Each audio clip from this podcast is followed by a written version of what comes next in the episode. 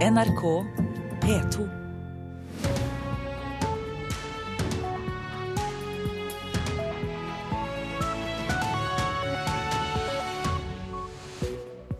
Og torsdag 21. mai 6.30 er dette hovedsakene i Nyhetsmorgen.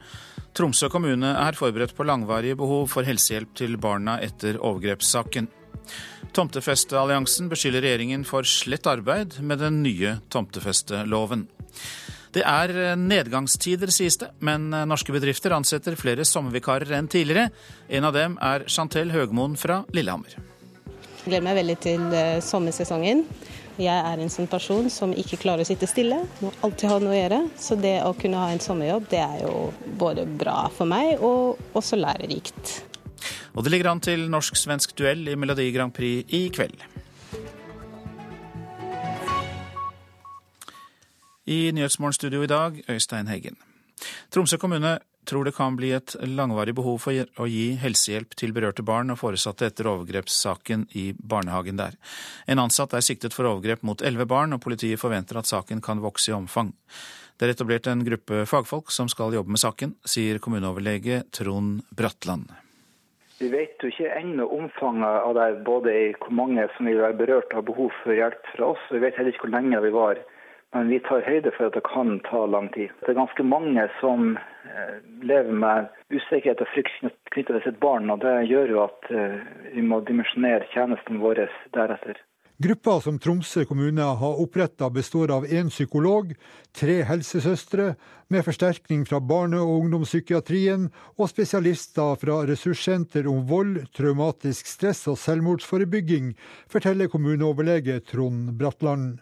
I tillegg så eh, er vi i ferd med å opprette en sånn koordinatorfunksjon, en person som skal følge denne eh, saken tett og, og sikre oppfølging over tid for de som har behov for det. Tromsø kommune har jo et tilsynsansvar for den eh, private barnehagen.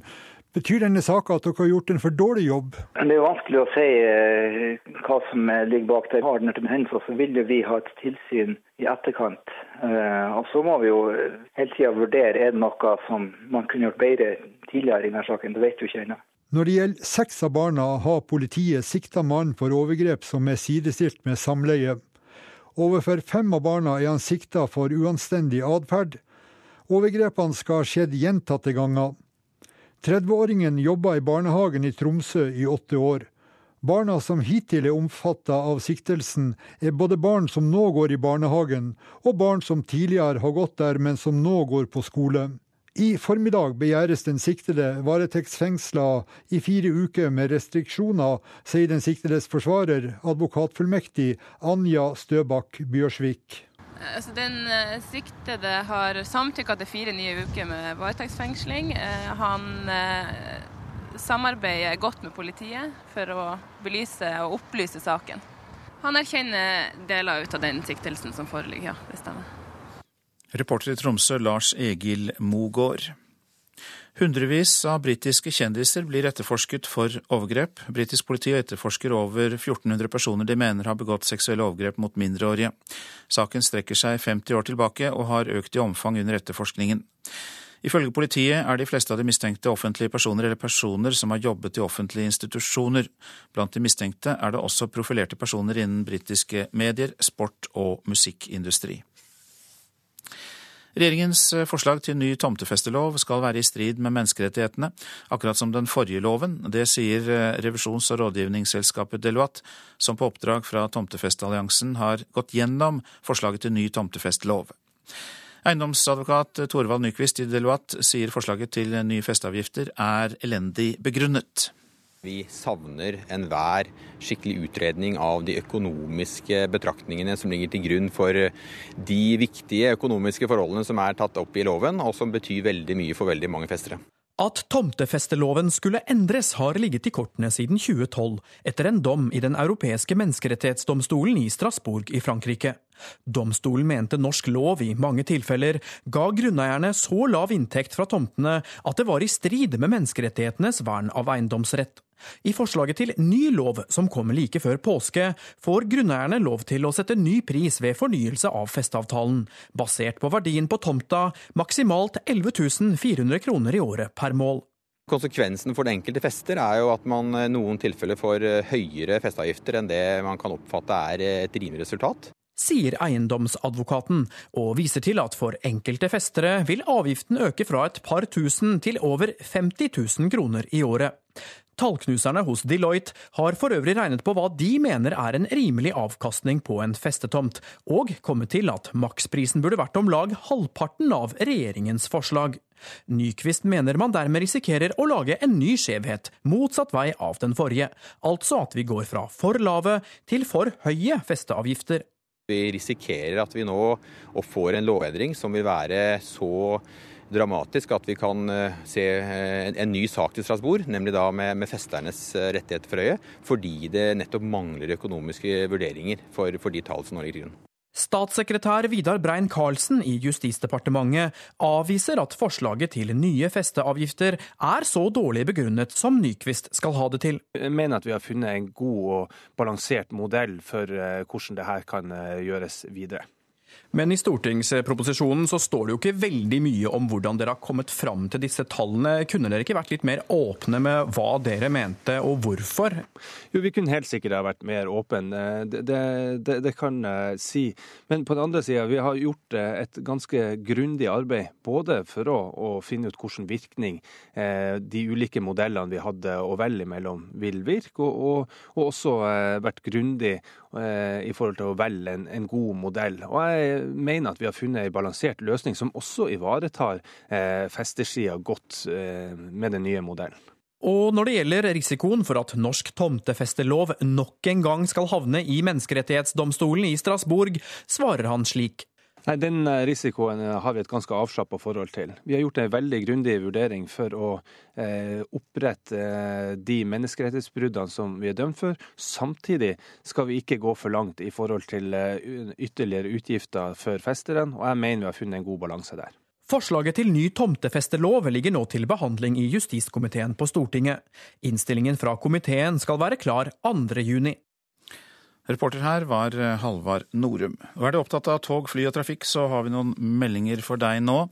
Det mekles fortsatt på overtid i oppgjøret om tariffavtale for flygerne i SAS. Det ble ikke enighet, eh, og blir det ikke enighet, så blir seks norske flygere tatt ut i streik fra klokka åtte. Men det blir uansett eh, ikke flykaos i Norge med det første. Men SAS har innstilt 110 flygninger, de fleste da i Sverige.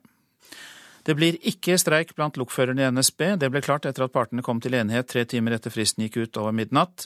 Til da hadde de vært uenige om pensjonsvilkårene til lokførerne. Men nå er de ansatte fornøyd, sier Rolf Jørgensen, formannsleder i Norsk Lokomotivmannsforbund. Vi fikk eh, økt noen lønnstillegg som da er pensjonsgivende, og, så, og, på den måten så øker vi den pensjonsgivende delen av lønna, og det har vært et viktig prinsipp for oss.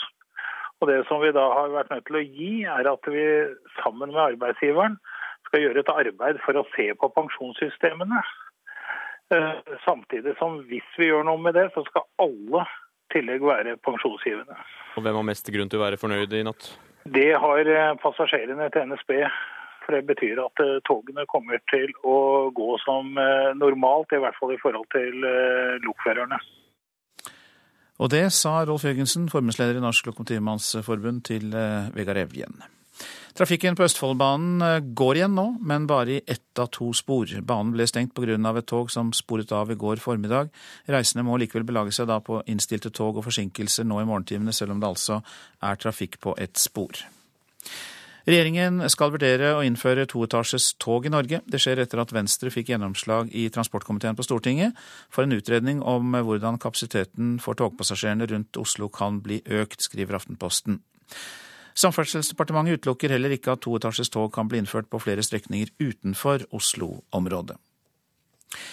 Det er eh, uaktuelt å kaste elbiler ut av kollektivfeltet på deler av E18 under oppgraderingen av tunnelen i Oslo som planlagt. Det sier leder i Stortingets transportkomité, Høyres Linda Hofstad Helleland. Hun mener at et slikt forbund er i strid med det et flertall på Stortinget mener. Helleland skal be regjeringen om at eh, Statens vegvesen blir oppfordret til å avklare tiltaket med lokale myndigheter i Oslo og Akershus. Jeg kommer til å snakke med samferdselsministeren eh, i dag Han ønsker selvfølgelig også å følge opp det politiske flertallet i Stortinget, som har klare og tydelige mål for elbilpolitikken. Og da er jeg helt sikker på at samferdselsministeren vil ta kontakt med Vegdirektoratet og også oppfordre dem til å gå i dialog med lokale myndigheter i Oslo og Akershus. Til eh, tross for økende ledighet, så er det også optimisme i næringslivet. Det viser en undersøkelse utført av hovedorganisasjonen Virke. For det blir ansatt flere sommervikarer enn tidligere. Reiselivet venter nemlig flere besøkende hit til landet i år. Jeg har begynt å jobbe, men jeg gleder meg veldig til eh, sommersesongen. Chantel Høgmoen gleder seg til å komme skikkelig i gang med sommerjobben på Friluftsmuseet Maihaugen i Lillehammer. Jeg er med på vertskapsteamet, som inkluderer billett, butikk, og utstillingsvakt og informant. Økt optimisme gir flere sommerjobber, og dermed muligheter til flere unge. En utvikling som overrasker Vibeke Madsen, som er administrerende direktør i næringslivets nest største hovedorganisasjon, Virke. Ja, Hadde du spurt meg for 14 dager siden, før vi fikk undersøkelsen vår, så hadde nok jeg vært ganske sikker på at vi kommer til å se en nedgang fra fjoråret. Men istedenfor nedgang så viser altså Virke sin undersøkelse at det nå er flere virksomheter som er positive til å ta inn flere sommervikarer foran årets sesong enn før. Uh, og jeg tror at det skyldes en viss optimisme, uh, bl.a. pga. Uh, norske kronen. Og at man innenfor kanskje særlig reiseliv, men opplevelse, håper at, å se at det er flere som, som kommer til. Og da tør man ansette og gi muligheter til enda flere unge. Eh, når det er sagt, så er det jo en usikkerhet eh, vi går i møte. Eh, hvordan den vil, Hvilke utslag det vil gi. Vi vet at oljesektoren sliter. Hvor store følger vil det få for andre næringer? Ja, det får, det får vi se. Men velger å se dette som positivt. Også på Maihaugen i Lillehammer er de optimister foran årets viktige sommersesong, forteller Trude Arnesen, leder for stiftelsen Lillehammer museum. Vi tror og har stor tro på, fordi tallene for innsalg også er gode, at vi skal ha en økning i år. Hvor stor økning håper dere på?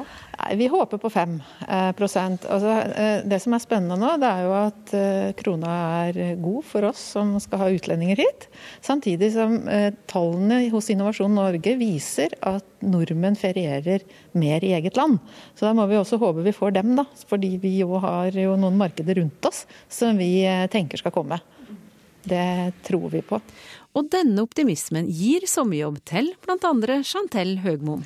Eh, det er veldig viktig. Jeg er en sånn person som ikke klarer å sitte stille. Må alltid ha noe å gjøre. Så det å kunne ha en sommerjobb, det er jo både bra for meg og også lærerikt. Så sommerjobb, det er veldig viktig. Reporter var Elin Fossum. Så til avisene. I fjor gjennomførte regjeringen betaling for skole... gjeninnførte regjeringen betaling for skolefrukt. I dag er det bare én av ti elever som er med på ordningen, skriver Bergens Tidende. For eh, tre år siden fikk nesten 280 000 barn skolefrukt. I dag er det bare 18 000 barn som er med på abonnementsordningen. Null land godtok homofile ekteskap for 15 år siden. Nå er det akseptert i 21 land, kan Aftenposten fortelle. I Irland er spørsmålet så betent at det i morgen skal avgjøres med en folkeavstemning der meningsmålingene tyder på ja til homofile ekteskap. Oljesmellen knekker ikke innkjøpslysten. Varehandelen holder Norge i gang, kan vi lese i Dagens Næringsliv. Forbruket av klær og sko økte med nesten 10% det siste året, men nye tall viser bråstopp for sysselsettingen. SV har mistet grunnfjellet. Valgforsker Johannes Berg sier det til Dagsavisen. I mer enn ett år har SV vært under sperregrensen på meningsmålingene, og nå viser en fersk måling at partiet også er mindre enn Fremskrittspartiet blant studentene her i landet. Mannen Norge frykter og som hater Norge, det er oppslaget i Dagbladet. Omar Sheblal er dømt til døden i sitt hjemland Algerie for terrorisme, og eh, hevder at Politiets sikkerhetstjeneste forsøkte å verve ham som spion da han var her i landet som asylsøker. Nå kan han bli sendt tilbake hit fordi Norge var det første stedet han søkte asyl. Kroppen har blitt vårt siste tilfluktssted, er oppslaget i Vårt Land. Den har gått fra å være et arbeidsredskap til å bli en markør av identitet. Nå får man status og verdi ved å eksponere et veltrent ytre, sier teolog Paul Otto Brunstad til avisen. Han mener vi har et urealistisk bilde av hvordan kroppen skal se ut. Jorda er for alle, skriver Nasjonen, til et bilde av familier som ivrig jobber som deltidsbønder i Ås i Akershus. Kortreist mat er blitt trendy, og flere av oss ønsker å bruke våre grønne fingre, og kjøper andeler i lokal gårdsproduksjon. VG forteller om tre år gamle Lilly, som er født med en sjelden hudsykdom. Huden vokser sju ganger så raskt som normalt og blir tørr og skjellete. Derfor må hun smøres, bades og skrubbes hver dag. Moren hennes, Camilla Enger, forteller om dette til avisa for å skape åpenhet om hudsykdommen iktyose. Sykkel nå. Vegard Stake Laingen var i går nær ved å slå Alexander Kristoff på åpningsetappen i Tour of Norway. Men da feltet kom susende på oppløpet, så hadde jeg ingen sjanse, sier Laingen. Jeg måtte gi alt og hadde et lite håp, men uh, de kom fort bakfra, dessverre. Jeg hadde større håp når det var én runde igjen, og så så jeg når det var vel tre kilometer igjen, da så vi de bak.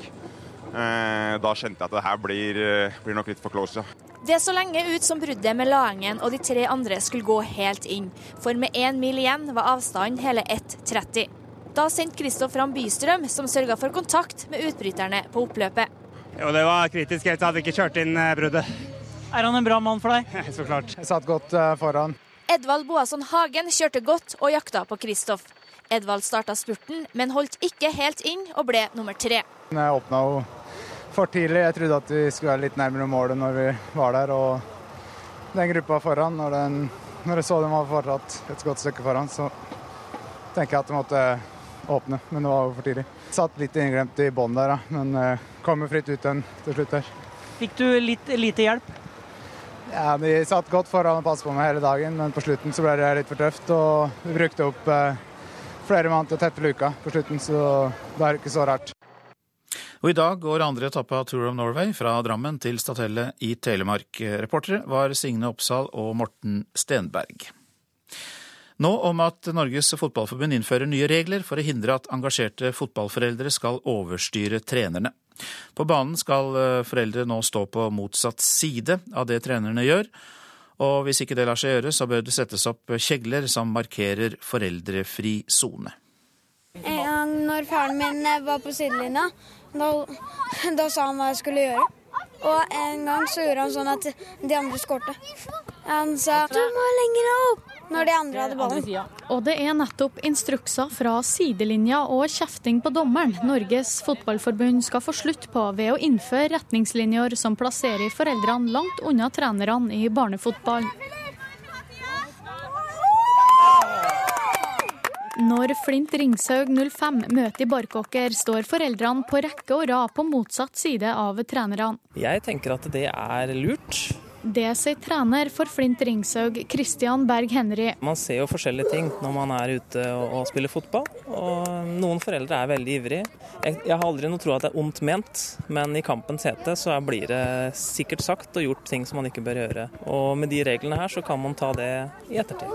Han viser til at foreldrefri sone også er til for å skåne dommerne. Dommerne de er to til tre år eldre enn gutta som spiller.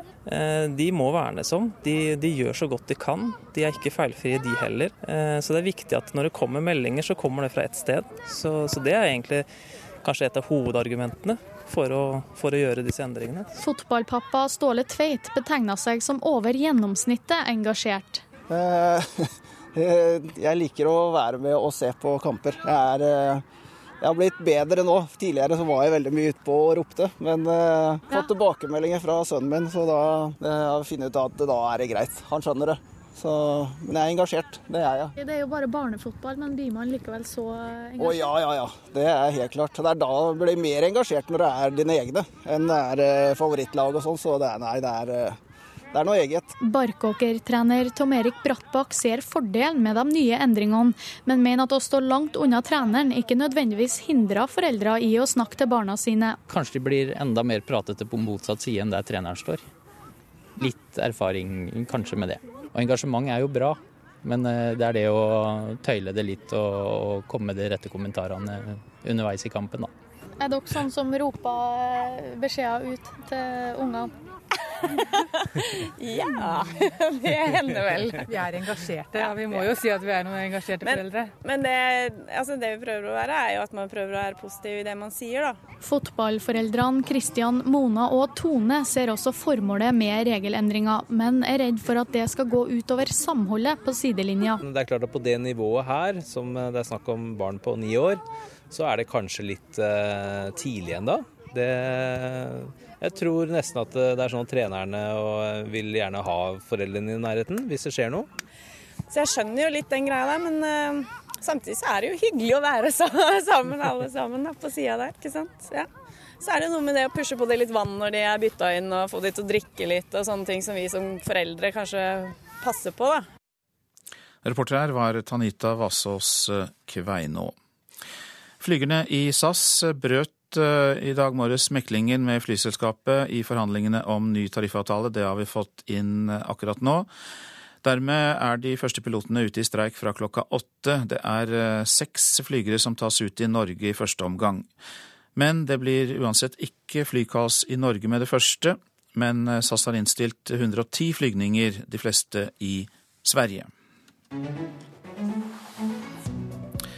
Andre saker i Nyhetsmorgen i dag, nå når klokka har passert 6.51. Tromsø kommune er forberedt på langvarig behov for helsehjelp til barna etter overgrepssaken. Tomtefestealliansen beskylder regjeringen for slett arbeid med ny tomtefestelov. Østfoldbanen er åpnet igjen, men bare på ett spor. Det kan derfor oppstå forsinkelser.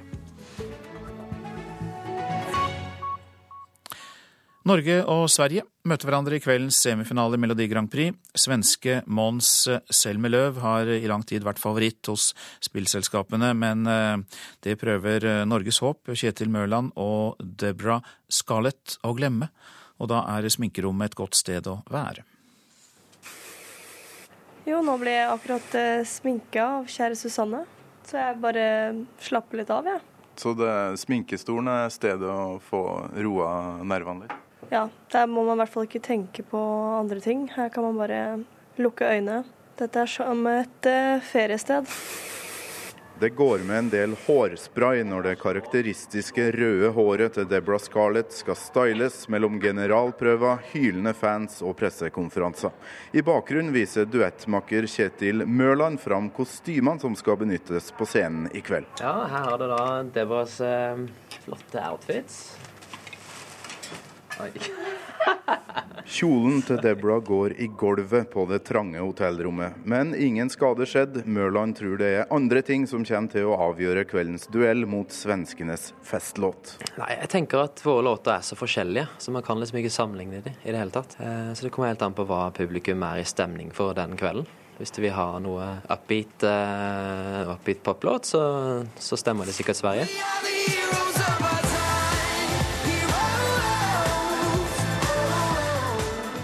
Og er de i stemning for noe som er mer melankolsk, og, og sånn, så har de kanskje en sjanse.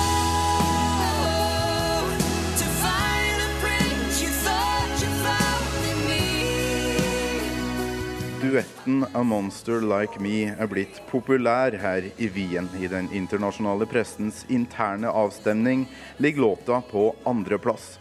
Og på bettingselskapenes lista for kveldens semifinale er den også nummer to. Og nummer én på begge listene er og blir denne karen. Svenske Mons Selmelöv mener både Norge og Sverige skal videre fra kveldens semifinale. Hva er det? det? er 17 bidrag i semifinalen, tror jeg. Og det er 10 som skal videre. Så jeg tror at det, det, det burde gå, syns jeg som ni sier, at det, det er to helt ulike sanger, og, det, eh, og jeg tror det er bra. Da svensken og de to norske møttes på fest forleden, fant de ut at det er en fordel å være i samme semifinale. Vi kan jo gi stemmer til hverandre, da, så det er jo positivt. Ja, det er, jo, det er, det er nice. Og det tror jeg vi kommer å gjøre også. Det kjennes ja. som at vi Jeg tror at det kommer komme mange svenske røster på Norge, eh, og forhåpentligvis vice versa.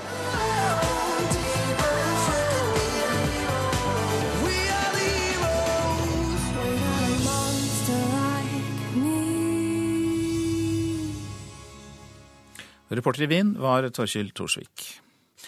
De aller fleste av oss er jo på Facebook nå, men som det internasjonale produktet er, så finnes det jo på 100 ulike språk. Selvfølgelig da også på nynorsk, men de nynorske Facebook-sidene, som vi skal høre nå, gjør seg ikke sjøl. Nei, det er ingenting som kommer av seg sjøl. Martine Rørstad Sand sitter i gangen utenfor Høgskolebiblioteket i Hamar. Den 25 år gamle studenten, opprinnelig fra Sula på Sunnmøre, har lagt ned en betydelig innsats for nettopp nynorske Facebook-sider. Ja, det har blitt litt uh, opp gjennom åra. For det er nemlig slik at noen ildsjeler blant oss må jobbe hardt og iherdig for at alle oss andre skal kunne bruke Facebook på vårt morsmål. Eh, folk må nødt til å oversette for at det skal bli på både bokmål og nynorsk. Og bokmål har jo sikkert flere folk som er med å omsette. Dermed så blir det usynlig for brukerne at uh, det egentlig er engelsk. Da. Men uh, det er viktig å legge ned en innsats for at det skal bli på det språket man vil ha. Da er du inne på Facebook? Ja, da går jeg inn på appen for å omsette. Og her får man opplyst over ting man kan stemme opp og ned, og også ting som ikke har fått uh, omsetning ennå. Stadig vekk finner hun ord eller begrep som ikke finnes i nynorsk språkdrakt på Facebook. Ja, unfollow har jeg lagt igjen, ikke følg. Uh, kort og greit. Og her har vi flere eksempler også. Add friend, den er jo ganske vanlig. Legg til venn. Hva blir det på nynorsk? Legg til som ven, uh, med én n. Ja, det er det som er innarbeidet i nynorskomsetninga på Facebook. Så de som da bruker nynorsk Facebook og ser da 'legg til som ven', så er det du som har foreslått det? Ja, det er det som har foreslått. Her står det 'vekentlig leierliste'. Det er lista over hvem som har bidratt mest i løpet av den siste uka, måneden og eh, alltid. Og hvem ligger på topp der? Ja, det var visst meg. Og nå lurer du sikkert på hvor mange ord Martine faktisk har oversatt fra engelsk eller bokmål til nynorsk. 27 000 omsetninger. For å sette Martines innsats i et perspektiv. Nestemann på lista har oversatt 2900 ord. Dette har vi snakka om på kontoret. Det har vi absolutt. Så eh, vi har sett at hun har gjort en så stor jobb, ja. Marit Åkrø Tennø er leder i Noregs Mållag, og hun applauderer innsatsen Martine har lagt ned for det nynorske språket. For oss som skriver et mindre sett og brukt språk, så er det veldig viktig at nynorsken er synlig overalt. Og den jobben som hun legger ned for at vi skal kunne se nynorsk, f.eks. på Facebook, der vi vet at veldig mange bruker veldig mye av tida si, så er det rett og slett veldig viktig målarbeid. Det er viktig for at de som bruker nynorsk skal få muligheten til å bruke språket sitt også på Facebook. Det gjør det enklere å være nynorskbruker. Den 25 år gamle høgskolestudenten har sjøl vært aktiv i Målungdommen i flere år, og har bl.a. sittet i landsstyret i to perioder. At hun blant venner kalles nynorskens Facebook-dronning, har hun ingen problemer med. Nei, det er helt greit, det. Jeg har ikke noe behov for å uh, stå fram og ta ære for uh, ting. Men uh, jeg syns det er viktig at folk er klar over at det går an å hjelpe til. Og at hvis man vil få til noe, så bør man gjøre det sjøl. Reporter her var Ola Bjørlo Strande. Værvarselet nå. Fjell i Sør-Norge. Opphold og perioder med sol, men utover ettermiddagen enkelte regnbyger i vestlige områder. Snø i høyfjellet. I kveld sørvest stiv kuling utsatte steder i nord. Østlandet og Telemark får mye pent vær i dag, men tilskyende utover ettermiddagen. Kan hende lokale ettermiddagsbyger, vesentlig da i indre strøk. Stedvis lave tåkeskyer først på dagen. Agder lettskyet eller delvis skyet oppholdsvær, men fra i ettermiddag kan det hende det kommer enkelte regnbyger, og det blir liten kuling øst for Oksøy. Rogaland får for det meste oppholdsvær, fra i ettermiddag litt regn. Hordaland skyet vær, men etter hvert litt regn også, da i ytre strøk. I ettermiddag blir det regn i hele Hordaland, og sørlig liten kuling på kysten i nord. Sogn og Fjordane sørlig liten kuling ved Stad. Skyet vær, etter hvert litt regn i ytre strøk. I ettermiddag øking til sørlig stiv kuling i Sogn og Fjordane. Sterk kuling ved Stad og regn. Møre og Romsdal stort sett opphold. Fra i ettermiddag perioder med regn og øking til sørvest stiv kuling på Sunnmøre.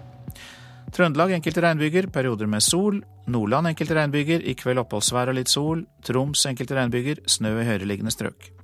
Finnmark vest-sørvest periodevis liten kuling på kysten. I, på vidda rolige vindforhold, enkelte regnbyger, men også litt sol. Nordensjøland på Spitsbergen stort sett opphold. Og noen temperaturer klokka fem. Svalbard 1, Kirkenes 6, Alta Tromsø 5, Bodø Brønnøysund 6, Trondheim 5, Molde og Bergen 4. Stavanger 5, Kristiansand 2, Gardermoen 0, Lillehammer 2, Røros minus 2 og Oslo 5.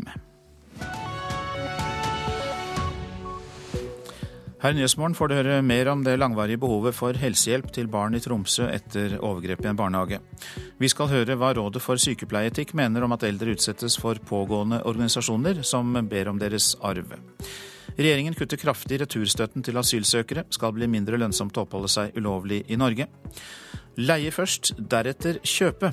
Ja, et boligbyggelag i Stavanger tenker nytt for å gi unge mulighet til å komme inn i boligmarkedet. Som vi hørte i Dagsnytt, eh, Tromsø kommune tror det kan bli eh, et langvarig behov for å gi helsehjelp til berørte barn og foresatte etter overgrepssaken i barnehagen der. En ansatt er siktet for overgrep mot elleve barn. En gruppe spesialister er satt til å jobbe med saken, sier kommuneoverlege Trond Bratland. Vi vet jo ikke ennå omfanget av det, både i hvor mange som vil være berørt av behov for hjelp fra oss. Vi vet heller ikke hvor lenge vi var men vi tar høyde for at det kan ta lang tid. Det er ganske mange som lever med usikkerhet og frykt knyttet til sitt barn. og Det gjør jo at eh, vi må dimensjonere tjenestene våre deretter. Gruppa som Tromsø kommune har oppretta består av én psykolog, tre helsesøstre, med forsterkning fra barne- og ungdomspsykiatrien og spesialister fra ressurssenter om vold, traumatisk stress og selvmordsforebygging, forteller kommuneoverlege Trond Bratland. I tillegg så eh, er vi i ferd med å opprette en sånn koordinatorfunksjon, en person som skal følge denne eh, saken tett og, og sikre oppfølging over tid for de som har behov for det. Tromsø kommune har jo et tilsynsansvar for den eh, private barnehagen. Betyr denne saka at dere har gjort en for dårlig jobb? Det er vanskelig å si eh, hva som ligger bak det. Har det hendt, så vil vi ha et tilsyn i etterkant. Eh, og så må vi jo hele tida vurdere er det noe som man kunne gjort bedre tidligere i denne saken. Det vet vi ikke ennå. Reporter i Tromsø, Lars Egil Mogård. Krimkommentator her i NRK, Olav Rønneberg. Hva blir det viktigste arbeidet for politiet nå? Det viktigste helt klart nå er å kartlegge flere mulige ofre. Eh, finne ut eh, hvor stort omfang denne saken egentlig har.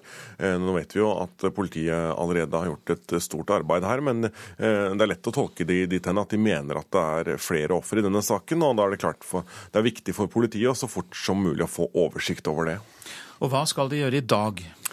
Nå skal eh, det være et nytt fengslingsmøte i dag. Eh, den siktede har jo allerede samtykket eh, i fire uker i varetekt, så det blir nærmest en formalitet. Men da må politiet da ved siden av det fortsette avhøret av disse barna, dommeravhør av barna og denne kartleggingen videre av flere mulige ofre.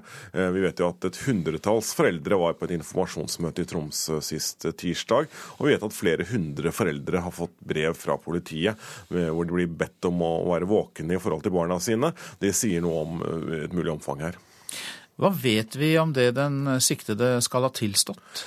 Vi vet at han er siktet eh, for alt elleve forhold, eh, derav seks saker eh, der overgrepet likestilles faktisk med samleie i straffeloven, altså ganske grove overgrep. Men vi vet ingenting om eksakt hva det er han har tilstått, eller om han kun har tilstått det som er bevist på annen måte i saken, eller om han selv på eget initiativ har lagt kortene på bordet og bidratt til etterforskningen. Det vil kanskje tiden fremover vise. Mm. I tillegg til disse overgrepene er det funnet omfattende billedmateriale hva mer vet vi om det?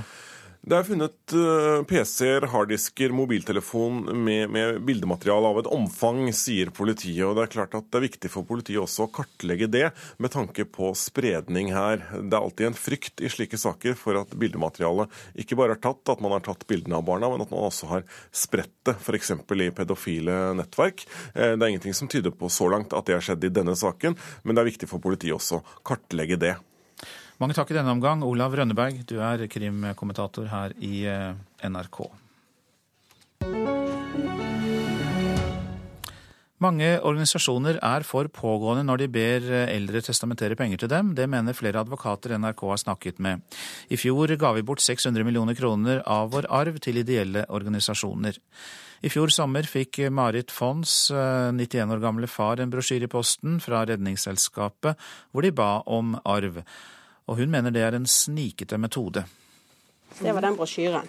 Marit von blar i en brosjyre hennes 91 år gamle far fikk i posten fra Redningsselskapet. Det var akkurat som det var eh, når jeg bladde i det, da, som det kom fra Opplysningskontoret for uh, arveloven eller noe sånt. Og så leste jeg dette her, da, som da kom i fet skrift. Vi er dypt takknemlige for alle testamenteriske gaver, uansett beløp. Og det var da det var så ekkelt. For da skjønte jeg det var det de var ute etter. I en 16 sider lang brosjyre sendt til 10 000 av Redningsselskapets medlemmer, gir de informasjon om hvordan de kan testamentere bort arven. Ja, det er innpåslitent og ufint ja. sier Fonn om fremgangsmåten. Og da tenkte jeg på min far, som var begynt å streve med hukommelsen og streve med tall. Og... Så dette ville blitt skikkelig stress for han. Han ville ikke forstått poenget. Leste han den? Nei. Hva gjorde du med det? Da Da tok jeg den, så han alle fikk se den. Og det er jeg veldig glad for. Vi oppfatter det ikke på, på den måten i det hele tatt. Det sier kommunikasjonssjef i Redningsselskapet, Frode Pedersen. Vi testamenterte bort 600 millioner kroner av arven vår til ideelle organisasjoner i fjor, ifølge stiftelsen Soria Moria. Pedersen er langt fra enig om at dette er pågående. Det er jo veldig kjent at organisasjoner ber om penger, og en del av de pengene er også testamentariske gaver. Og vi er en organisasjon som bare mottar ca. 15% av vår støtte fra staten. Resten må vi skaffe av penger, og denne er en av de måtene vi får inn penger på. Og siden det har skjedd en økning etter at denne brosjyren kom ut, ganske kraftig fra 2,8 til 4,8, så, så mener vi kanskje at den hadde en funksjon. Men Redningsselskapet er ikke alene om å få reaksjoner. Flere advokater NRK har snakket med som jobber med arv, forteller om arvinger som tar kontakt fordi organisasjoner vil ha arven til mamma og pappa. Det er en problemstilling som dukker opp i ny og ne. Sier leder av familierettsavdelingen i Kodeks advokater, Andreas Paulsen. Arvingene oppfatter dem som litt for pågående da, i forhold til det de egentlig burde. Sånn at man til en viss grad prøver å påvirke ønsket om å testamentere til dem på bekostning av arvingene, som kanskje gjenlevende ikke selv eh, ønsket. Så de vil rett og slett få gjort om testamentet, sånn at de selv kan arve mer penger?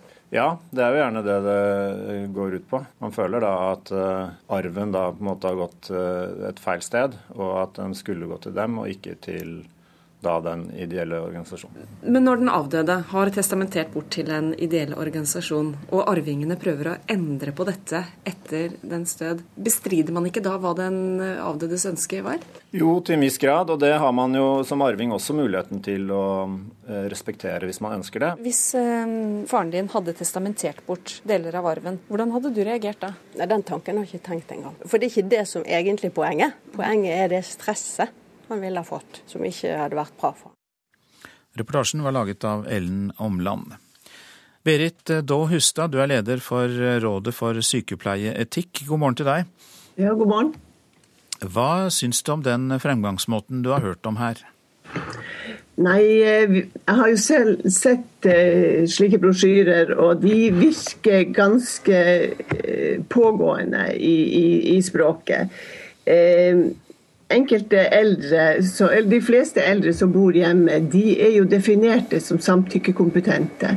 De bestemmer sjøl, og de eh, avgjør sjøl egne penger. Eh, og et sånt krav som de, som de får altså Slike brosjyrer det kan bli oppfatta som et krav. Eh, det som er det springende punktet, er jo hvor samtykkekompetent person er når de skriver under på et slikt eh, dokument. Eh, man kan være samtykkekompetent på enkelte områder, men eh, kanskje ikke på andre, alle områder. Sånn at det er ganske vanskelig å vurdere. Og i ettertid, etter persons død, så er det særdeles vanskelig å bevise eller motbevise hvor samtykkekompetent de var. Sånn at den, det å sende ut brosjyrer til til eldre, og kanskje svært eldre personer som bor hjemme, det, det kan virke som eh, litt aggressiv eh, måte å gjøre det på. Hva syns du da man skal gjøre? For det er jo klart at eh, de som har gjort dette, de har gitt sitt samtykke, som du sier. De er ikke fratatt råderetten over egne midler. Så eh, da er vi over på det etiske området. Hvilke tiltak bør da settes i verk eh, ut ifra en sånn etisk vurdering da, for å forhindre at det skjer? Det burde være mer åpenhet i det, og det burde være slik at kanskje pårørende òg var en del av var, var, var, med i en slik diskusjon, sånn at det var familien sitt ønske at penger blir gitt eller ikke gitt. Men det kan vel vanskelig nedfelles i noen lov? Det er mer etiske retningslinjer vi snakker om her? Ja, men det her omhandler svært mye etikk. Selv om om loven på mange vis er, sterkere, så omhandler det her svært mye etikk. Til slutt, Berit Aa Hustad, hva vil du oppfordre disse organisasjonene til å gjøre? Nei, det, det, er jo ikke så enkelt. De får jo kanskje ganske lite fra staten. I et land som Norge burde vel kanskje ha, ha råd til å gi organisasjonene mer penger, sånn at uh, denne formen for tigging eh, uh, kunne avsluttes. selvfølgelig kan man testamentere bort penger til organisasjoner, men det, det, omhandler at det her gjøres til svært, svært gamle pasienter som er mer eller mindre samtykkekompetente. Det er det som er det springende punktet. Takk skal du ha, Berit Daa Hustad, som er leder for Rådet for sykepleieetikk. Ja, Vi hørte tidligere i sendingen at flygerne i SAS i Norge brøt meklingen med flyselskapet i forhandlinger om ny tariffavtale, og da er de første flygerne ute i streik. Fungerende leder Rune Sundland i Norsk Cockpitforbund, hva var det dere ikke kunne bli enige om? Nei, Vi mener at det ultimative forslaget vi ble presentert for til slutt i, på morgentimen i dag, er uforsvarlig sånn i forhold til et helse-, og miljø- og sikkerhetsperspektiv. Så det kunne vi ikke akseptere. Hva var ultimatumet? Uh, ultimatumet var jo en, en, komplett ny avtale. Uh, de sa jo opp den gamle avtalen ved, ved nyttår. Og uh, trusselen var jo da rett og slett å stå avtaleløs. Istedenfor å inngå en normal tariffforhandling, så, så, var det trusselen om å ikke ha noen avtale som da gjorde at selskapet kunne presentere oss for et ultimatum. Og det, det, var en komplett avtale på alle områder. En betydelig dårligere avtale enn den vi hadde. Men det viktigste elementet var dette med, med arbeidsbelastning og arbeidsmiljø. Så det er mer arbeidstid arbeidsbelastning enn penger det er snakk om, da? Ja, penger fikk vi aldri tid til å snakke om. Vi brukte tiden på alt det andre. Vi hadde for så vidt ikke til hensikt å stille noen voldsomme krav i forhold til dette med penger. Men som sagt, det ble det aldri forhandlet om. Kanskje SAS er nødt til å gjøre dette for å kunne konkurrere med Norwegian? Hva sier du til det? Ja, det kan godt hende at de opplever det sånn, men, men et eller annet tidspunkt må man jo sette en grense for hvor lenge to piloter kan kunne befinne seg i en cockpit, og hvor lenge eller hvor lite man må hvile da, før man returnerer.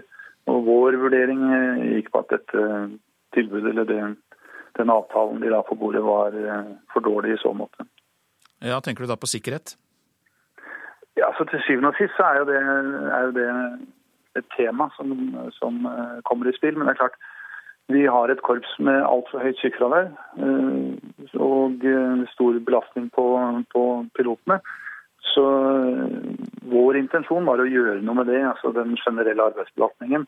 Og det er en del sånne enkeltelementer som er utenfor det vi mener vitenskapelig sett er, er anbefalt. Nå er ikke så mange norske flygere tatt ut i streik, det er vel kanskje bare seks nå fra klokka åtte. Men når kan det komme en opptrapping også i Norge? Ja, Vi er jo litt opptatt av at dette er en konflikt mellom oss og selskapet. Så vi ønsker jo i minst mulig grad å ramme passasjerene. Det er jo de vi jobber for å transportere så trygt og godt som mulig.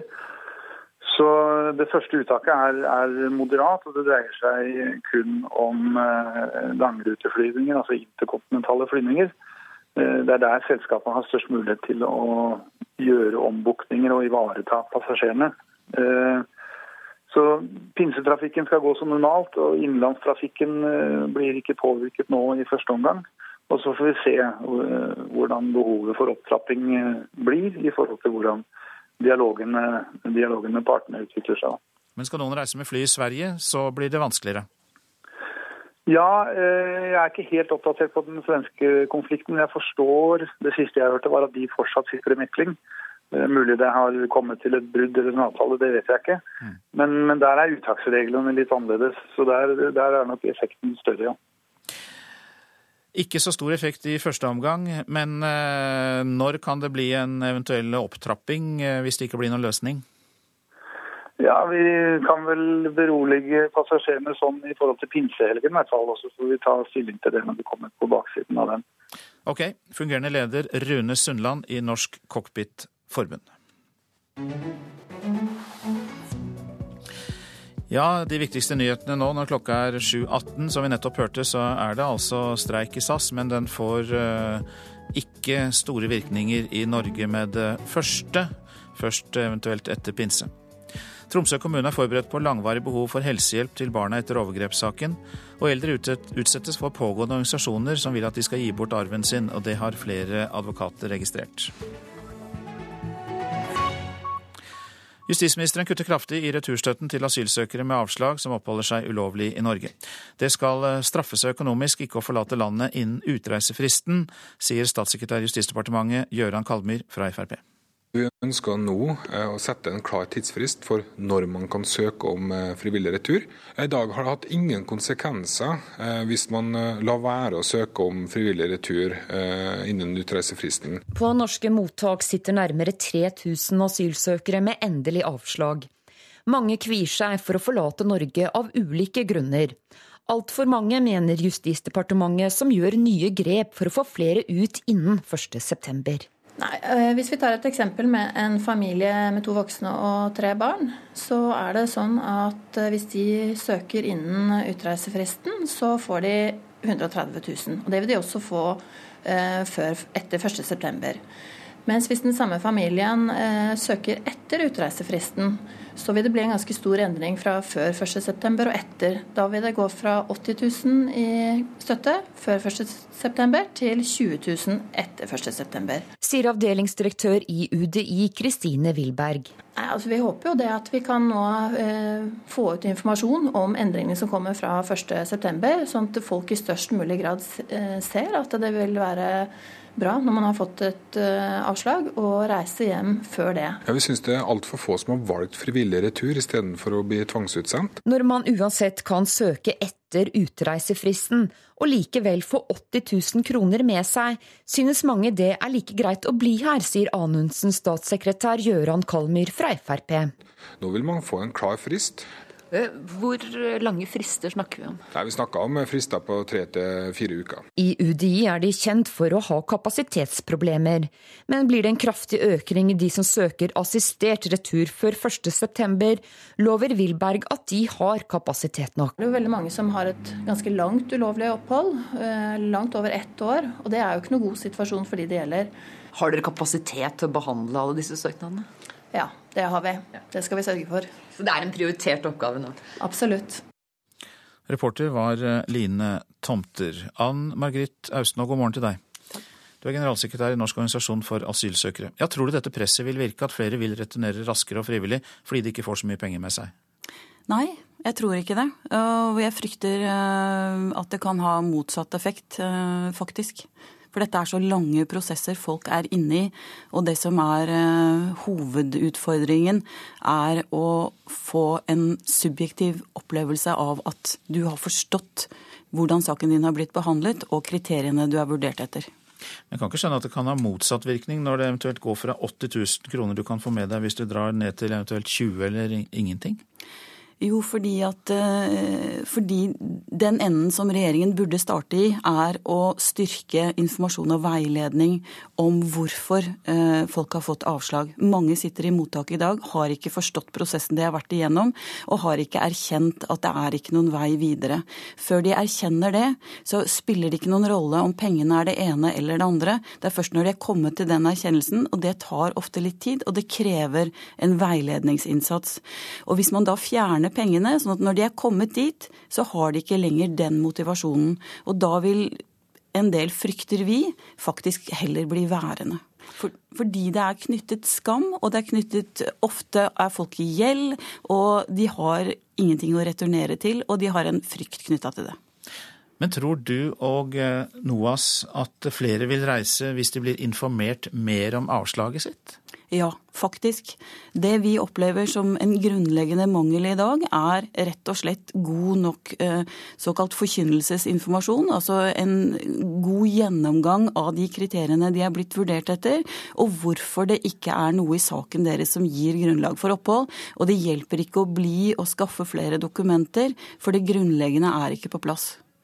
Hva sier eh, de asylsøkerne som dere har kontakt med? Har du rukket å snakke med noen av de om disse regelendringene?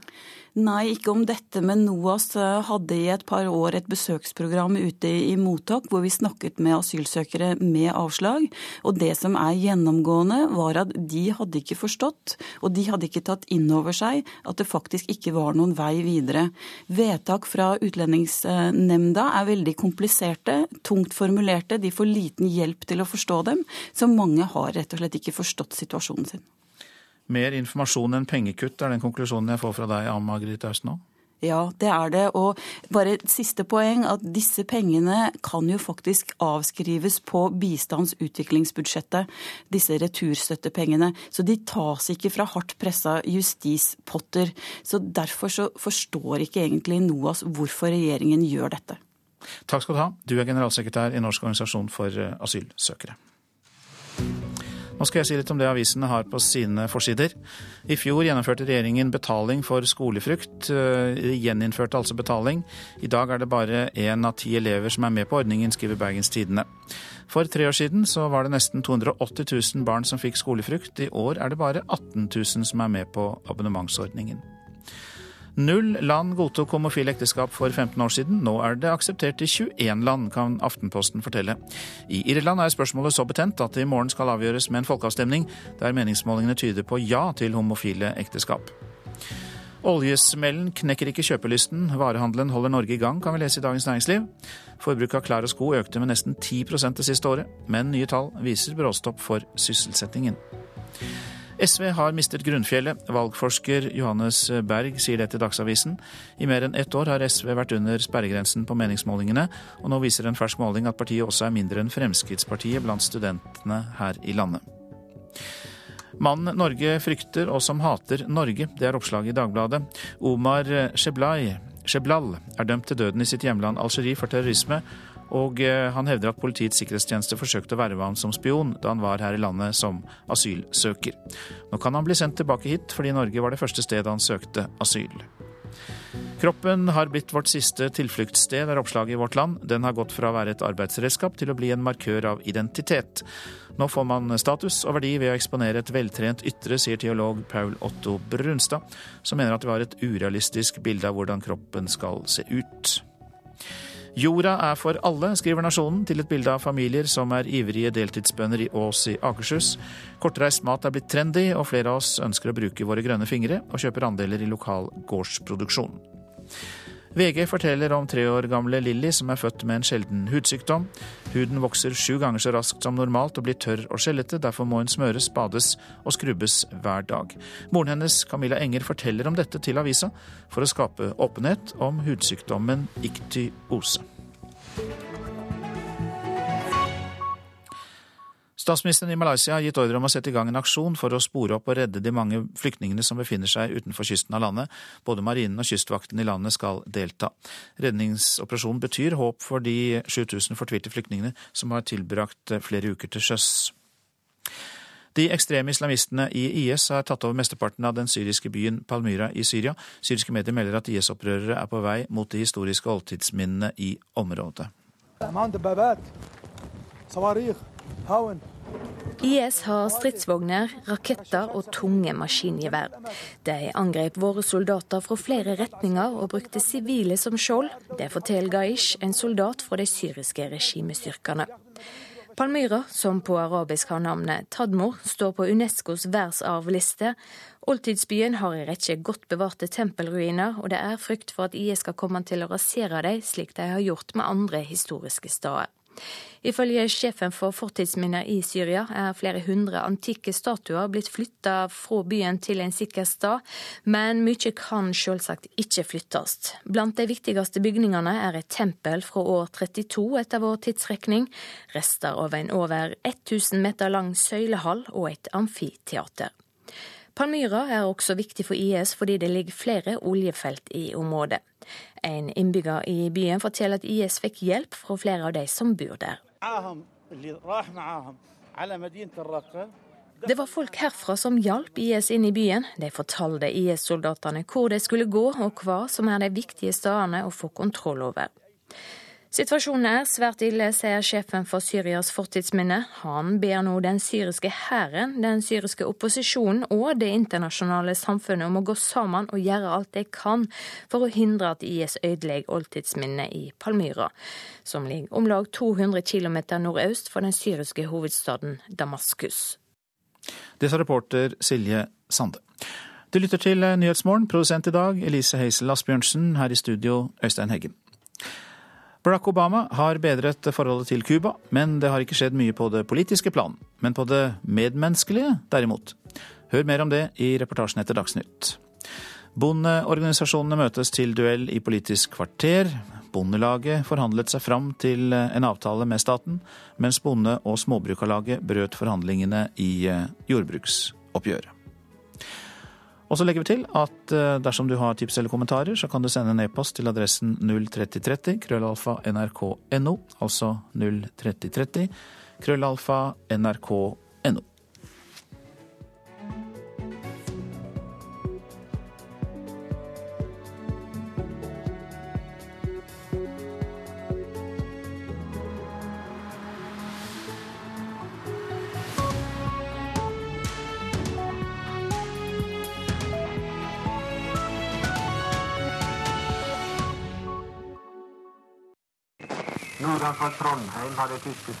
Da tyskerne invaderte Norge, flyktet folk i fiskeskøyter langs hele kysten. 21 år gamle Ranveig Bjørlikhaug måtte plutselig velge om hun skulle rømme med forloveden eller bli hjemme hos familien på Sunnmøre. Det var den vanskeligste beslutningen jeg har tatt. Å reise fra foreldrene mine og, og landet. Hør den dramatiske historien om norske krigsflyktninger på Island. Ekko helg med radiodokumentaren lørdag klokka ni på NRK P2.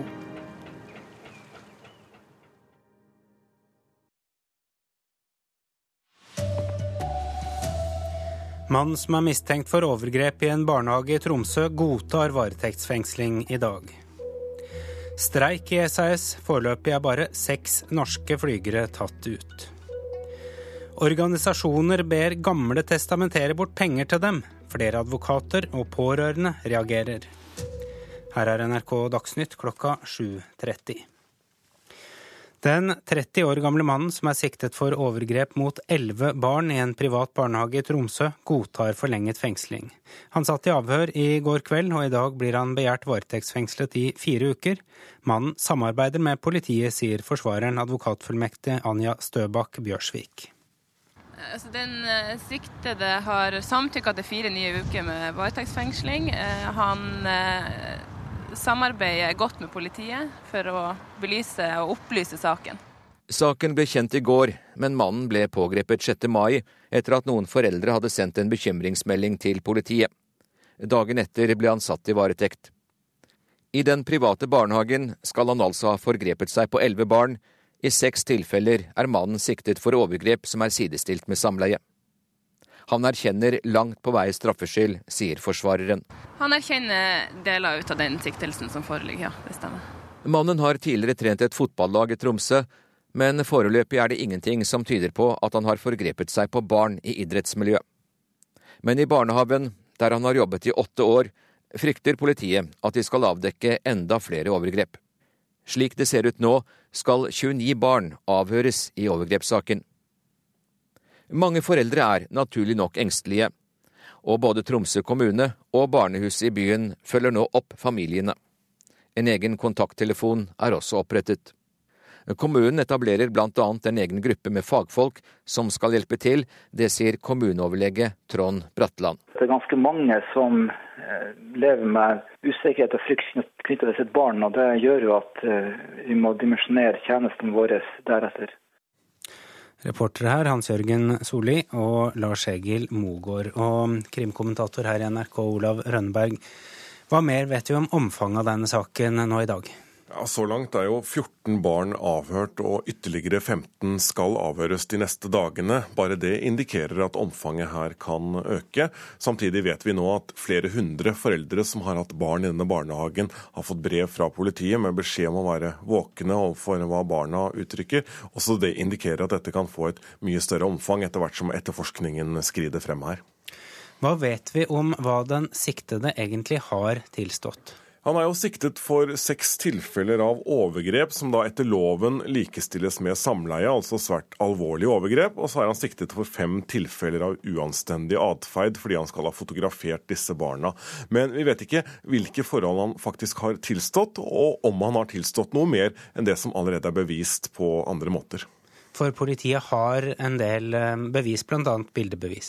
Politiet har sikret seg store mengder bilder fra PC, fra mobiltelefon osv. Dette er bevis som det er viktig å gjennomgå nå, også med tanke på å undersøke om dette kan ha vært spredt i andre miljøer, om det kan ha foregått spredning av disse bildene, i tillegg til at mannen selv har tatt de. Takk til Olav Rønneberg. Mange organisasjoner er for pågående mot eldre som de ønsker skal testamentere bort arven til dem. Det mener flere advokater NRK har snakket med. I fjor ga vi bort 600 millioner kroner av vår arv til ideelle organisasjoner. I fjor sommer fikk Marit Fonds 91 år gamle far en brosjyre i posten fra Redningsselskapet hvor de ba om arv. Det var en snikete metode, mener hun. Det var den brosjyren.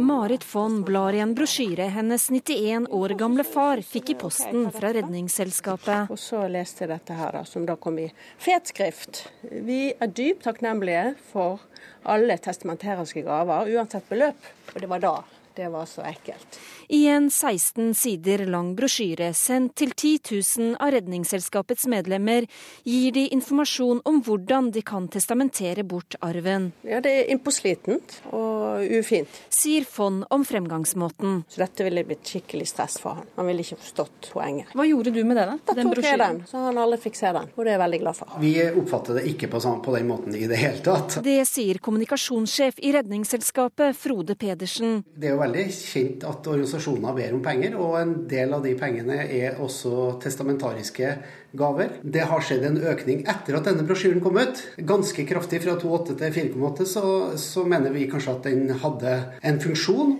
Men Redningsselskapet er ikke alene om å få reaksjoner.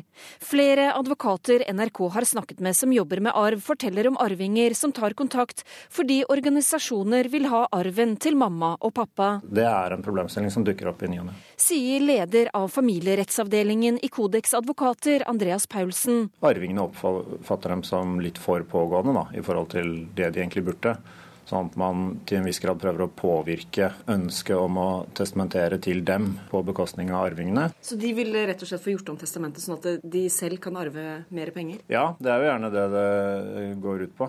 Men når den avdøde har testamentert bort til en ideell organisasjon, og arvingene prøver å endre på dette, bestrider man ikke da hva den avdødes ønske var? Jo, til en viss grad, og det har man jo som arving også muligheten til å respektere hvis man ønsker det. Klart det dreier seg om arv så er det liksom som vi venter på å dø, så vi kan få pengene dine.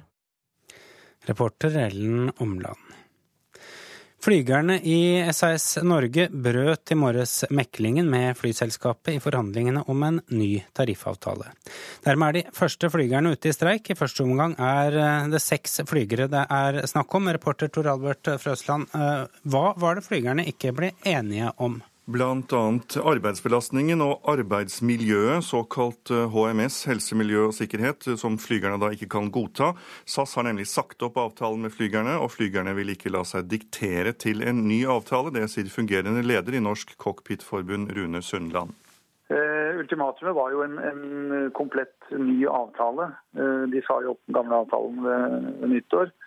Og trusselen var jo da rett og slett å stå avtaleløs. Istedenfor å inngå en normal tarifforhandling, så, så, var det trusselen om å ikke ha noen avtale som da gjorde at selskapet kunne presentere oss for et ultimatum. Og det, det, var en komplett avtale på alle områder. En betydelig dårligere avtale enn den vi hadde. Men det viktigste elementet var dette med, med arbeidsbelastning og arbeidsmiljø. Begrensa uttak av streikende flygere. Hvilke konsekvenser får denne streiken? I første omgang er det flygere på interkontinentale ruter, altså langruter, som tas ut. Innenlandstrafikken rammes svært lite, og Norsk Cockpitforbund sier at pinsetrafikken ikke kommer til å bli rammet. Det mekles også i Sverige. Hva vet du om meklingen der? Der er eh, fristen for å komme til enighet satt til klokken åtte. Og blir de ikke enige, så går over 300 flygere ut i streik. Så da kommer nok SAS-streiken også til å merkes hardere her til lands. Justisministeren kutter kraftig i returstøtten til asylsøkere med avslag som oppholder seg ulovlig i Norge. Det skal straffe seg økonomisk å ikke forlate landet innen utreisefristen. Det sier statssekretær i Justisdepartementet Gøran Kalmyr fra Fremskrittspartiet. I dag har det hatt ingen konsekvenser eh, hvis man eh, lar være å søke om frivillig retur eh, innen utreisefristen. På norske, mottaks, på norske mottak sitter nærmere 3000 asylsøkere med endelig avslag. Mange kvier seg for å forlate Norge av ulike grunner. Altfor mange mener Justisdepartementet, som gjør nye grep for å få flere ut innen 1.9. Nei, eh, Hvis vi tar et eksempel med en familie med to voksne og tre barn, så er det sånn at eh, hvis de søker innen utreisefristen, så får de 130 000. Og det vil de også få eh, før, etter 1.9. Mens hvis den samme familien eh, søker etter utreisefristen, så vil det bli en ganske stor endring fra før 1.9. og etter. Da vil det gå fra 80 000 i støtte før 1.9. til 20 000 etter 1.9. Sier avdelingsdirektør i UDI Kristine Wilberg. Nei, altså Vi håper jo det at vi kan nå eh, få ut informasjon om endringene som kommer fra 1.9., sånn at folk i størst mulig grad eh, ser at det vil være bra når man har fått et uh, avslag, og reise hjem før det. Ordninga sånn som den har vært i dag, har ikke vært et godt nok insentiv til å søke. I UDI er de kjent for å ha kapasitetsproblemer, men blir det en kraftig økning i de som søker assistert retur før 1.9, lover Wilberg at de har kapasitet nok. Det skal vi sørge for. Reporter her, Line Tomter. Meklingen mellom lokførerne og NSB førte til enighet tre timer på overtid i natt. Dermed blir det ingen streik blant medlemmene i Norsk Lokomotivmannsforbund. Ansvarlig for denne Dagsnytt-sendingen var Anne Skårseth. Teknisk ansvarlig Marianne Myrhol. Her i studio satt Arild Svalbjørg.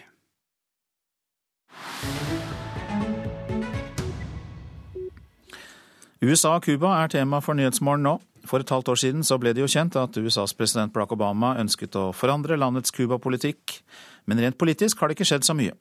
På det mellommenneskelige plan flyttes det imidlertid grenser hele tiden, forteller eh, reporter Joar Hoel Larsen. Det hele begynte med ping-pong-diplomatiet for mer enn 40 år siden.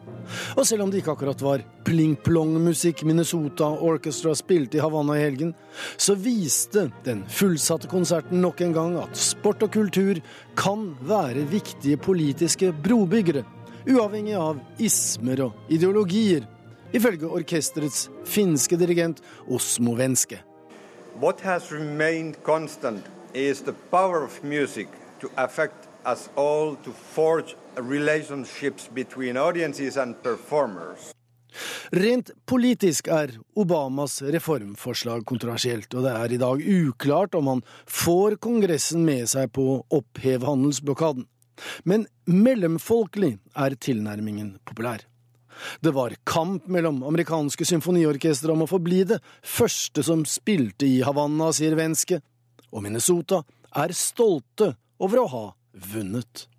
I can tell you that there was and maybe still a race going, and we are the lucky ones uh, that, that, that, we are the first North American major orchestra to be here, and, and we are very, very proud of, of, of, of that, that um, chance to come here. Det er snakk om å åpne fergeforbindelse mellom de to land. Men lovlige båtturer er allerede under seil. I helgen gikk den første regattaen Key West Havanna av stabelen, og det var en meget fornøyd arrangør, kaptein George Bellinger, som kunne ønske de om lag 20 deltakerne med følgebåter velkommen til Hemingway Marinaen i Havanna. This is historic because for the first time in 50 years, we have permits to come down here from the United States government. So this is a sanctioned event. Stikkordet er permit og sanctioned. For eh, forbuden frukt smaker som oftest godt, så mange nordamerikanske havseilere har ligget ved kai i Havanna de siste årene uten permit. Sjefen for Marina Hemingway i Havanna, José Miguel Diaz Escrich, er svært tilfreds med at denne regattaen har latt seg gjennomføre med alle papirer og stempler på plass. Que esto es un momento porque por fin logramos, después tanto trabajo, tanta lucha, tanto esfuerzo, logramos por fin. Og sist, men ikke minst, USAs mest kjente fotballag, New York Cosmos, skal til Havanna om en drøy uke der de skal møte Cubas landslag. New Yorks legendariske kongressrepresentant gjennom 44 år, den 85 år gamle Charles Rangel, ser den historiske betydningen av det fotballistiske klikk-klakk-diplomatiet. Ikke bare for de sportsinteresserte, men for alle. Today, this is historic, not just for you sport fans, but for those who are looking ahead to see what kind of world are we leaving for our children and our grandchildren. Og norske Mats Stokkelien, som spiller på Kosmos, han også gleder seg. Det blir jo en historisk begivenhet, og det er jo fantastisk å få mulighet til å dra ned til Havanna og, og spille en uh, treningskamp der. Dette er Nyhetsmorgen, og dette er våre hovedsaker. Mannen som er eh, mistenkt for overgrep i en barnehage i Tromsø, godtar varetektsfengsling i dag. Det er streik i SAS. Foreløpig er bare seks norske flygere tatt ut. Fagforeningen Norsk Cockpitforbund sier pinsetrafikken trolig vil gå som normalt i Norge. Regjeringen kutter kraftig returstøtten til asylsøkere. Det skal bli mindre lønnsomt å oppholde seg ulovlig i Norge, sier Justisdepartementet. Eldre utsettes for pågående organisasjoner som vil at de skal gi bort arven. Det har flere advokater NRK har snakket med, fått henvendelser om fra pårørende. Og så minner vi om nettstedet radio.nrk.no, der du kan høre alle NRKs radiokanaler og tidligere sendte programmer. Altså radio.nrk.no. Neste post på programmet her, det er Politisk kvarter med Håvard Grønli som programleder.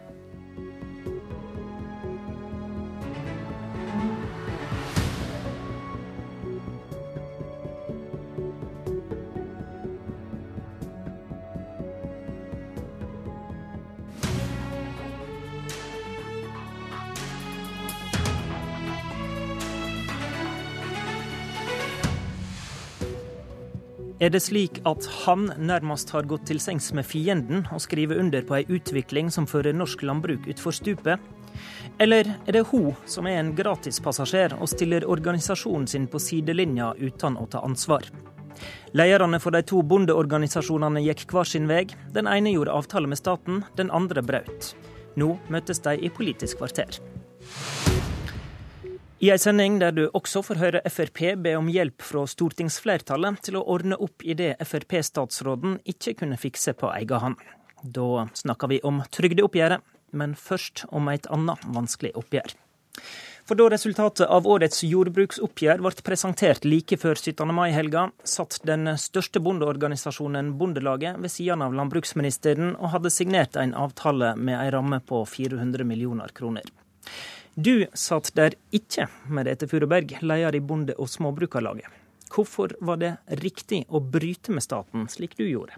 Det var helt riktig å bryte.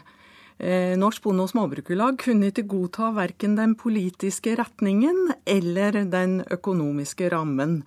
Hvis vi hadde skrevet under og gått med på en avtale, så hadde vi godkjent at eh, det som skjedde i fjor, med at det var tatt penger fra mange små og mellomstore og gitt til de store, den hadde blitt forsterket og blir forsterket. Den retningen ifra eh, levende bygder til et industrijordbruk. Den veien går ikke Norsk Bonde- og Småbrukerlag.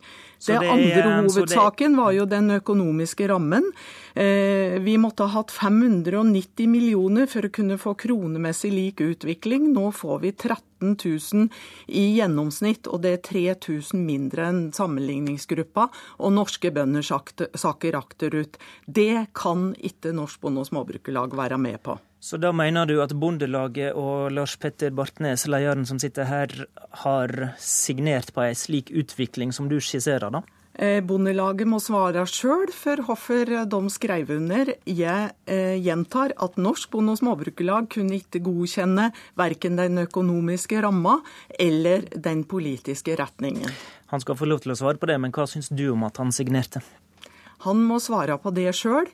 Vi Eh, står for det vi har gjort, og er helt sikker på at det å skulle godkjenne politisk retning som er så feil, og til og med godkjenne at den norske bonden ikke skulle få kronemessig lik inntektsutvikling som andre i samfunnet vi sakker, sakker akterut, det er helt feil. Lars Petter Bartnes, leder i Bondelaget. Du har akseptert ei utvikling som går helt feil vei da, med denne signaturen din? Vi gikk inn i forhandlingene med sikte på å bedre eh, statens utgangspunkt, altså statens tilbud, eh, kraftig. Eh, vi har fått fjerna risikoen for at omsetningsregionene for melkekvoter skulle bli halvert. Altså de 18 områdene som er viktige i landbrukspolitikken, står videre.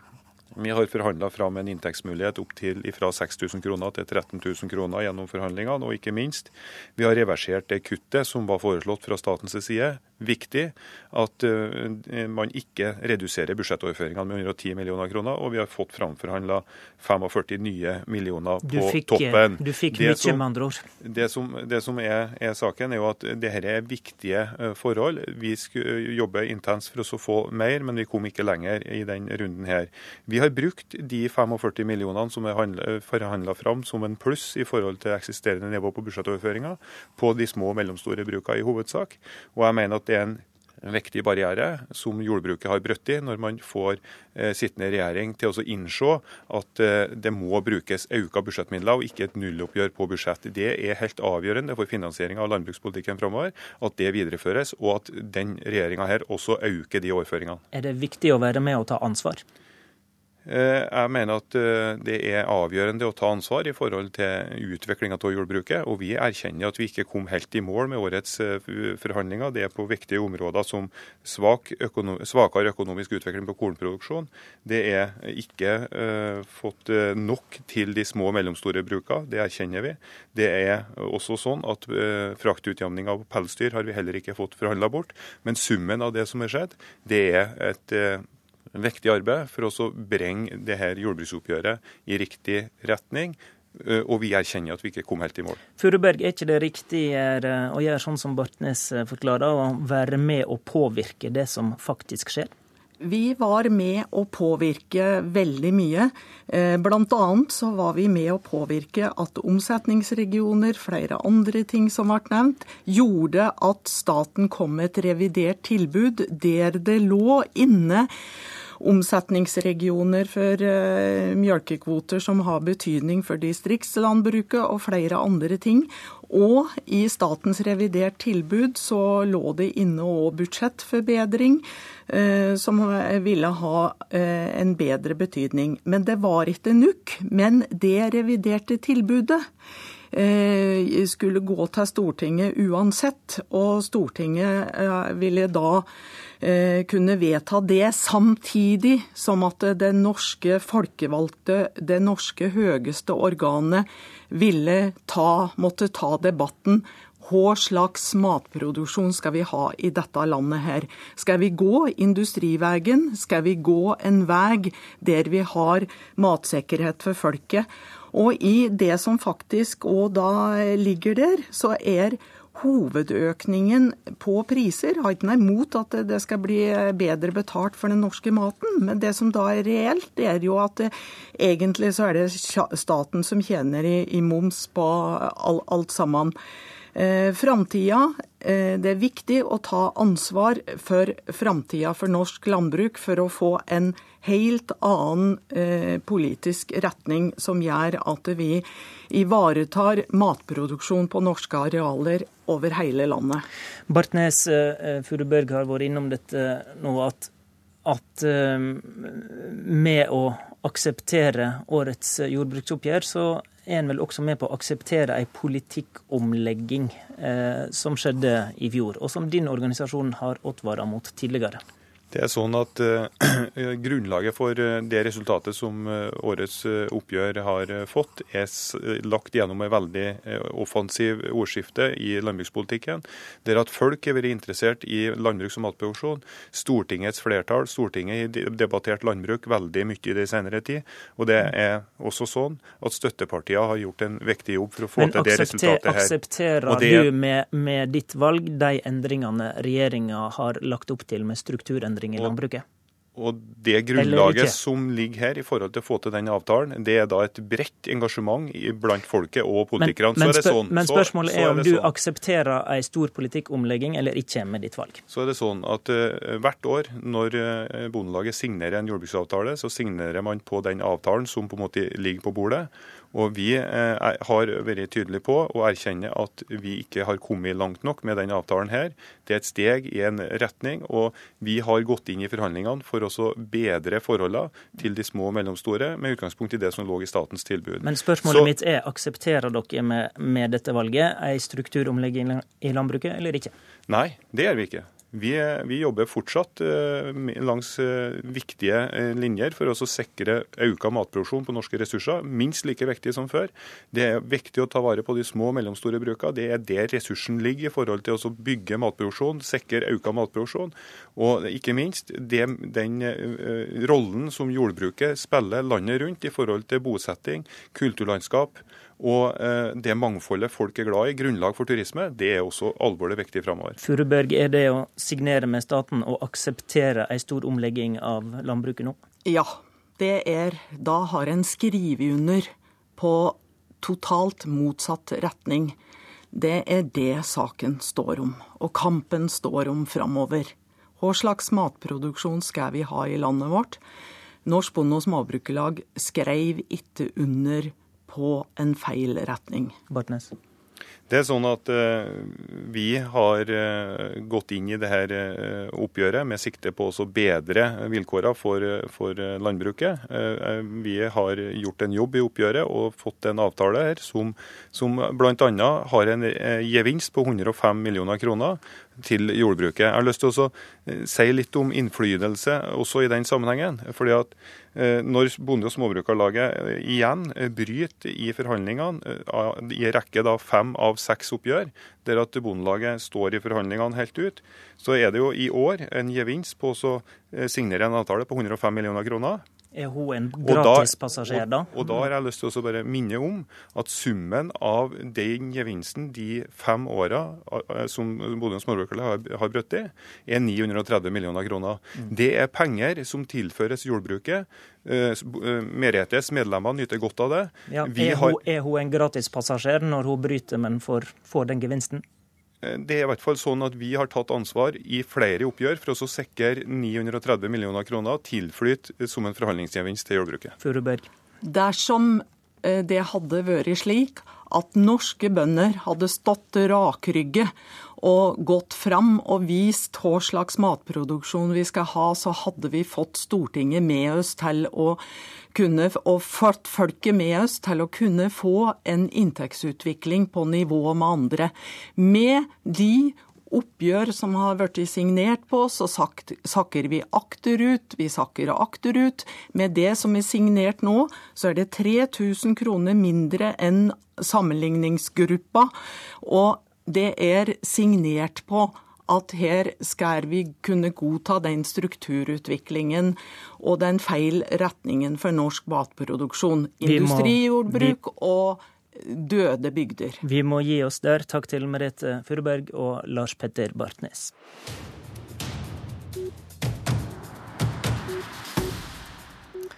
I går var resultatet av årets trygdeoppgjør klart. Det ble ingen fest for norske pensjonister. Regjeringa har sjøl regna ut at pensjonistene i snitt får svekka kjøpekraft med 47 kroner i måneden. Det førte til at f.eks.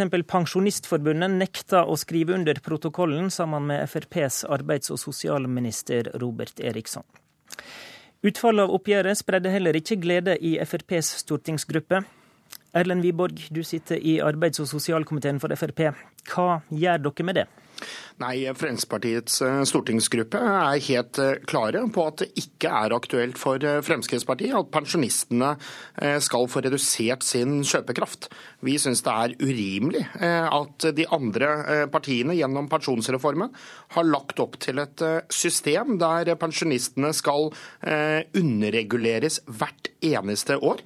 Og Det er derfor eh, Fremskrittspartiet nå tar eh, initiativ til å invitere de andre partiene som står bak eh, pensjonsforliket som har ført til denne situasjonen. Inviter de nå til å sette oss ned nå når Stortinget skal behandle saken i ukene fremover, og sørge nå for at pensjonistene ikke skal være den eneste gruppen i Norge som skal få redusert sin kjøpekraft neste år. Så Frp håper på hjelp fra stortingsflertallet da, til å ordne opp i det partiets egen statsråd ikke har klart å gjøre noe med? Nei, fordi eh, Stortinget eh, har vedtatt retningslinjer for hvordan eh, pensjons- og trygdeoppgjøret skal foregå. Og Det har Robert Eriksson og regjeringen fulgt opp, og enhver regjering må gjøre det Stortinget sier. Men nå tar Fremskrittspartiet til orde for at Stortinget bør endre dette. Og For dette er jo et system som er vedtatt av Arbeiderpartiet, Sosialistisk Venstreparti og alle de andre partiene. Fremskrittspartiet var imot og er imot det systemet. For vi syns det er eh, urimelig. Og jeg er veldig glad for at også regjeringen og arbeidsminister Robert Eriksson at han har også eh, tatt initiativ her til å lage en permanent eh, endring på dette systemet, sånn at ikke pensjonistene skal tape hvert eneste år. Det er galt overfor en gruppe mennesker som har jobbet og betalt skatt gjennom et langt liv. Da vil ikke Fremskrittspartiet sitte og se på at de skal tape penger nå hvert eneste år. Men Sundvolden-erklæringa sier jo at regjeringa skal fortsette gjennomføringa av pensjonsreformen. Da ber du kanskje Stortinget om hjelp til å bryte egen regjeringserklæring, da? Nei, på ingen måte. Eh, for da de andre partiene vedtok eh, pensjonsreformen, så tror jeg det var veldig få eh, som så for seg at vi skulle få så lave lønnsoppgjør, som medførte at vi kom i den situasjonen vi nå er i, at pensjonistene ligger an til å få mindre kjøpekraft neste år. Og nå er det opp til Stortinget, nå når vi skal behandle saken, og Fremskrittspartiet er klare. Og vi håper da virkelig at de andre partiene nå eh, støtter oss eh, i dette, eh, og at vi får på plass en god løsning. Hva tror du Høyre sier til dette, da? Nei, Høyre får selv svare på hva de, hva, hva de, ønsker å gjøre. Men det viktigste her er å sørge for at pensjonistene ikke skal bli skadelidende. Det vil ikke Fremskrittspartiet akseptere. Vi får se hva som skjer. I studio i dag, Håvard Grønli.